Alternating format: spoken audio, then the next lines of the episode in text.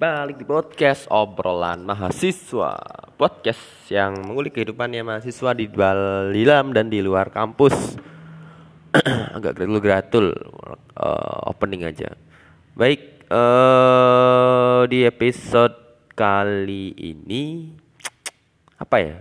Setelah kemarin bahas-bahas KKN, kemudian PKKMB, kemudian transparansi kampus Bahas apa lagi ya yang enak itu Ya, mungkin juga perlu sih kita bahas terkait ke organisasian, terutama organisasi yang ada di dalam kampus. Ya, kenapa sih organisasi di dalam kampus penting juga untuk dibahas? Karena ya memang ini salah satu yang banyak mahasiswa sudah tahu, kemudian perlu lebih tahu lagi lebih jauh terkait organisasi ini seperti apa gitu kan. Berikut ini saya coba menjelaskan 8 alasan yang tepat untuk bergabung di Badan Eksekutif Mahasiswa atau BEM. Taulah ya BEM.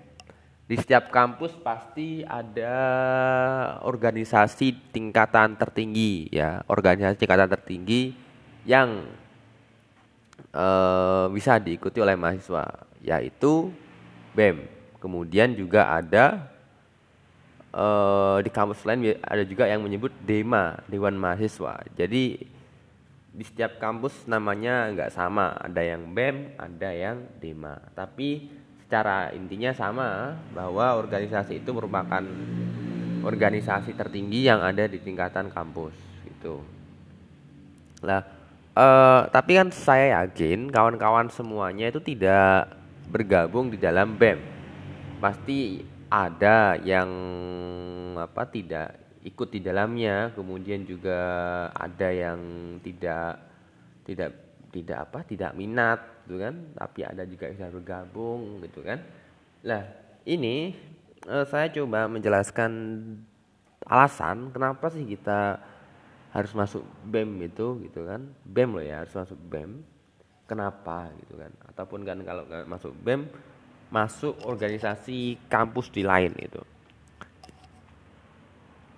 Pasti banyak ya kegiatan kita di kegiatan belajar di kampus pasti banyak. Cuman kegiatan-kegiatan itu sering kali kan tidak menunjang kemampuan kita untuk nanti action di lapangan Artinya dari situ dibutuhkan kemampuan-kemampuan yang artinya pada saat kita nanti sudah bisa di lapangan kita sudah bisa action dengan baik. Nah, kemampuan itu salah satunya diasah ketika kita masuk organisasi intrakampus yaitu BEM, Badan Eksekutif Mahasiswa gitu. Uh, jadi BEM kemudian apa lagi ya DEMA itu adanya di tingkatan apa tingkatan kampus dan juga tingkatan fakultas. Jadi kalau tingkat tingkatan kampus biasanya ada yang mengatakan itu BEMU, DEMAU, DEMA UNIF, BEM UNIF gitu ya. Terus juga e, kalau tingkatan fakultas ada BEM fakultas namanya. Biasanya kalau BEM fakultas itu identik dengan gubernur. Kemudian kalau BEM UNIF atau BEM pusat perguruan tinggi itu presiden gitu. Ya. Lah alasannya kenapa sih pada kita itu harus masuk masuk BEM itu organisasi intra kampus? Ya pertama yang jelas adalah kita belajar berorganisasi gitu kan. Ya kita belajar organisasi. Um, tidak semua saya yakin tidak semua siswa yang menginjak mahasiswa itu pernah mengenyam bangku bukan bangku kuliah loh ya pernah mengenyam dunia-dunia organisasi, organisasi, organisatoris nantian, organisasi. Oke kita kita sering kelompok ya pada saat kita kita SD, SMP, ataupun SMA kita sering mengerjakan kerja kelompok. Nah kerja kelompok itu sebenarnya itu gambaran kecil banget itu dari berorganisasi. Gambaran kecil sekali. Kemudian pada ruang lingkup yang lebih besar biasanya nanti ada apa ya namanya biasanya kalau tingkatan siswa itu ada IPNU ya ikatan pelajar Nahdlatul Ulama kemudian ada oh sorry sorry sorry mau saya saya, saya bicarakan yang intra saja kalau di tingkatan sekolah pasti ada OSIS lah sejak SMP. Organisasi Siswa Intrasekolah. Itu memang organisasi yang memang didesain kepada para siswa di sekolah gitu kan. Ya tujuannya untuk pertama untuk belajar berorganisasi. Uh, kehidupan organisasi itu bukan hal yang sederhana loh ya. Ini saya membaca dari web yunamahasiswa.com. Bukan uh, dunia organisasi itu bukan hal yang sederhana dan mudah untuk dijalani gitu kan. Ya jelas. Karena pada saat kita belajar berorganisasi pasti kita akan belajar bagaimana kita berinteraksi dengan orang banyak. Kita berinteraksi dengan orang berbagai latar belakang. Kita dihadapkan dengan permasalahan, kita dihadapkan untuk memecahkan permasalahan itu sampai selesai. Itu bukan hal yang gampang, itu saya pikir sangat sulit. Individu di dalamnya adalah orang yang berbeda baik dalam sifat, ya kan? Cara bertindak itu hal yang hal yang mudah loh ya untuk untuk kita melangkah dengan satu tujuan yang selaras itu. Bayangkan ada orang delapan, kita satukan tujuannya, padahal karakternya beda, sifatnya beda, itu sulit, gitu kan. Sangat sulit. Lah, kenapa sih pada saat dunia kerja kok diutamakan berorganisasi? Ya karena mereka sudah tertempa untuk belajar tentang perbedaan karakter, perbedaan sifat semua orang.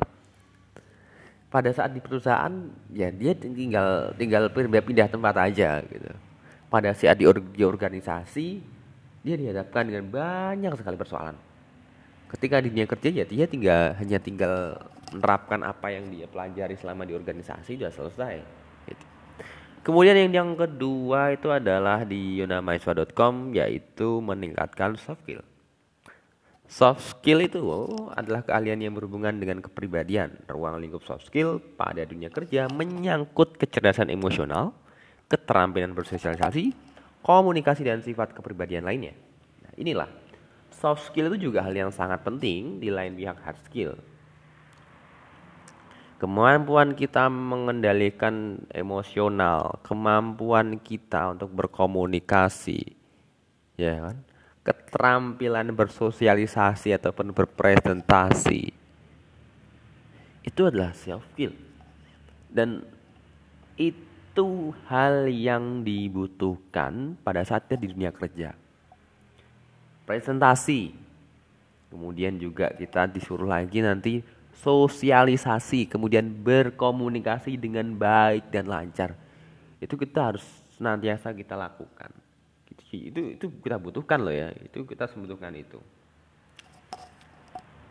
Atau hal yang penting. Kemudian eh nah, kalau di BEM, kenapa sih pada saat di BEM itu nanti juga juga penting?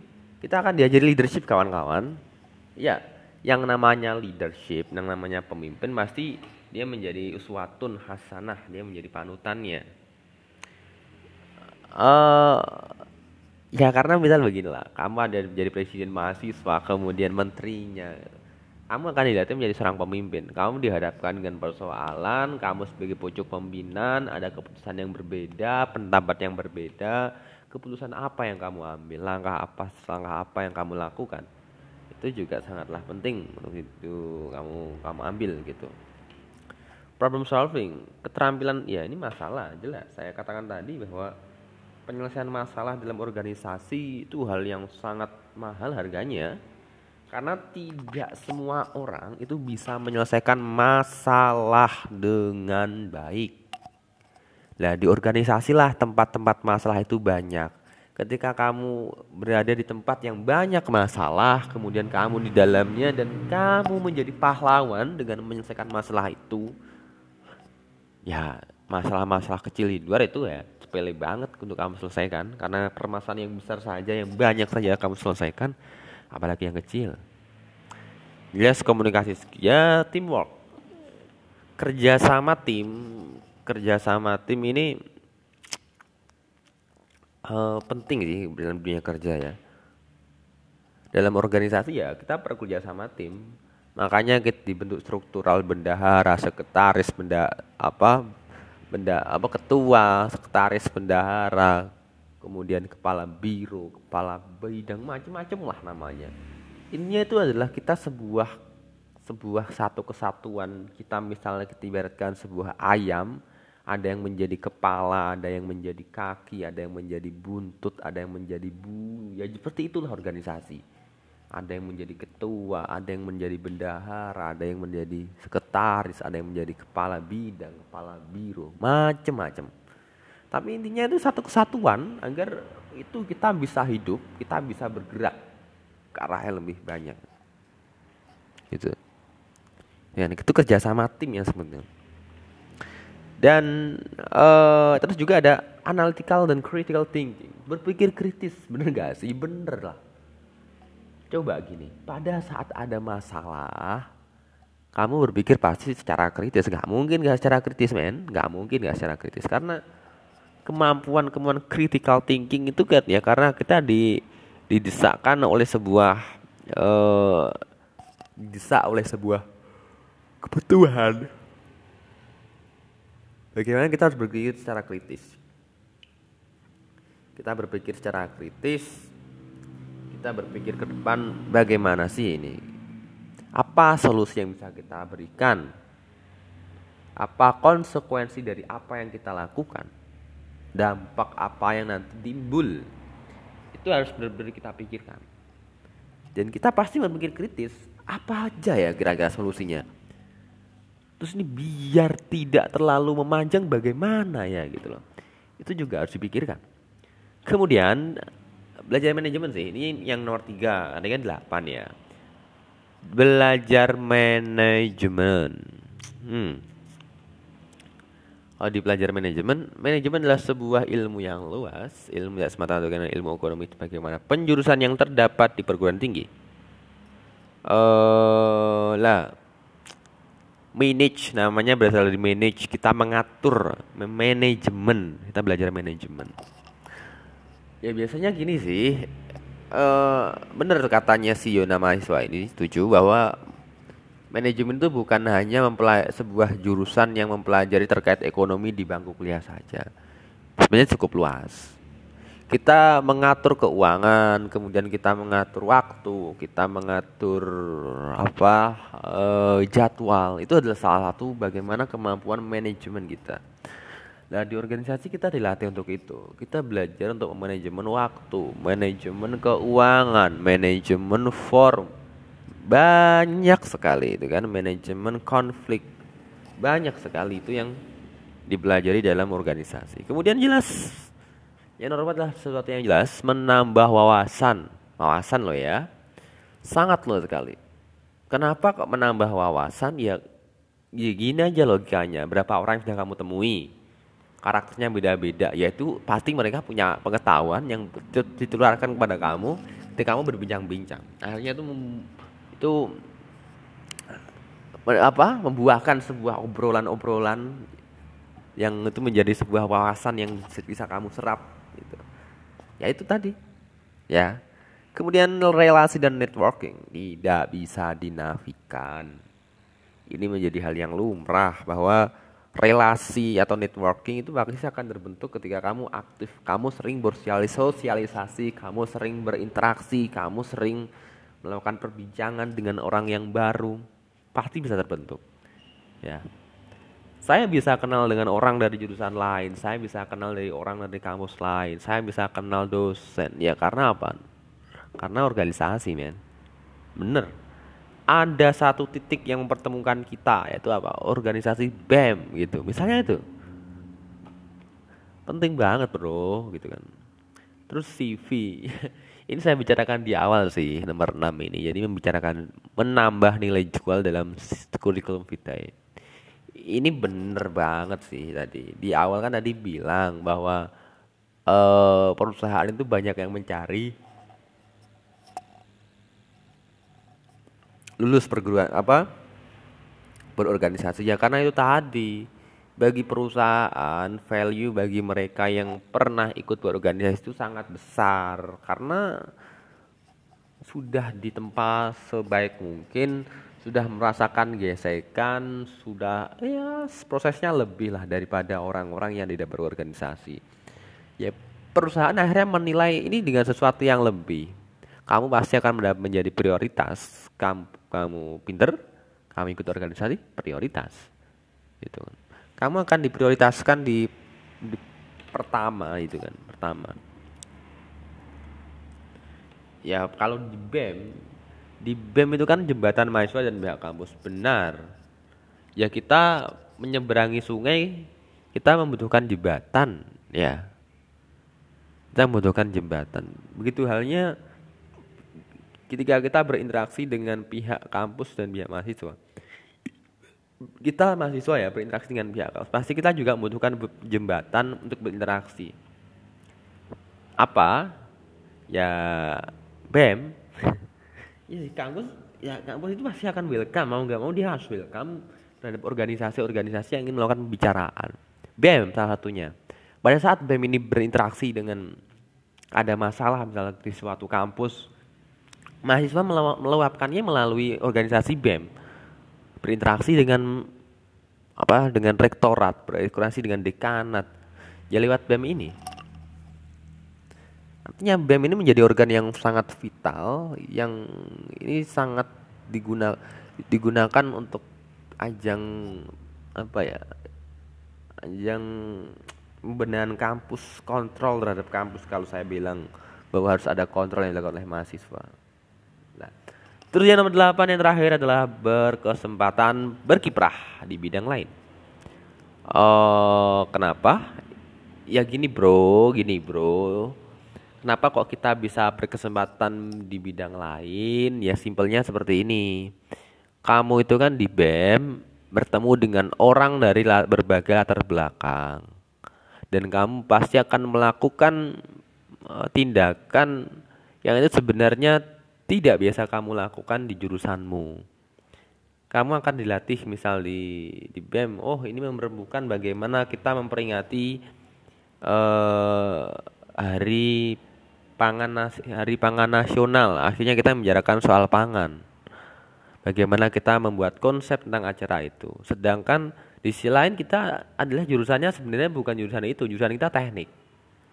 Ya tadi menjadi tempaan bahwa kita menguasai bidang pangan kemudian ini menjelang misal konsolidasi pemilihan koordinator daerah BEM gitu.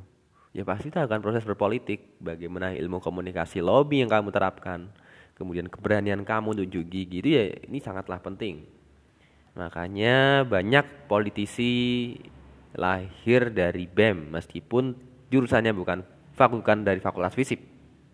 Banyak para pengusaha atau pimpinan perusahaan yang basicnya itu dia bukan dia jurus dari berasal dari jurusan-jurusan yang tidak menghasilkan seorang leader. Tapi karena dia tempat dalam organisasi akhirnya jiwa kepemimpinannya manajer terus jiwa-jiwa organisatorisnya muncul manajerialnya muncul. Yang artinya ini bisa menjadi sebuah bekal yang sangat berharga pada saat di dunia kerja itu kembali gitu kan. Yes itulah penting-pentingnya kenapa kita harus berorganisasi di BEM karena BEM kan ya itu tadi organisasi nomor wahid di tingkatan mahasiswa. Dan artinya banyak sekali mahasiswa yang mengidam-idamkan untuk masuk sini. Dan tentunya karena BEM adalah jabatan politis di dalam kampus silahkan sikut-sikutan bersaing secara sehat dengan orang-orang yang di situ. Gitu ya. Dan ayolah yang belum gabung organisasi gabung aja nggak apa-apa. Mumpung masih muda, pengalaman yang diserap masih banyak, sehingga pada saat nanti lulus kuliah tidak menyesal kenapa saya dulu kok tidak bergabung dengan organisasi, padahal ternyata manfaatnya banyak seperti yang saya lakukan meskipun saya gabung sebentar. Itu kawan-kawanku. Oke, untuk episode kali ini cukup sekian ya bahas terkait pentingnya kenapa kita harus masuk BEM. Oleh karena itu kita sampai jumpa di episode berikutnya dengan bahasan-bahasan topik menarik di podcast obrolan mahasiswa. See ya.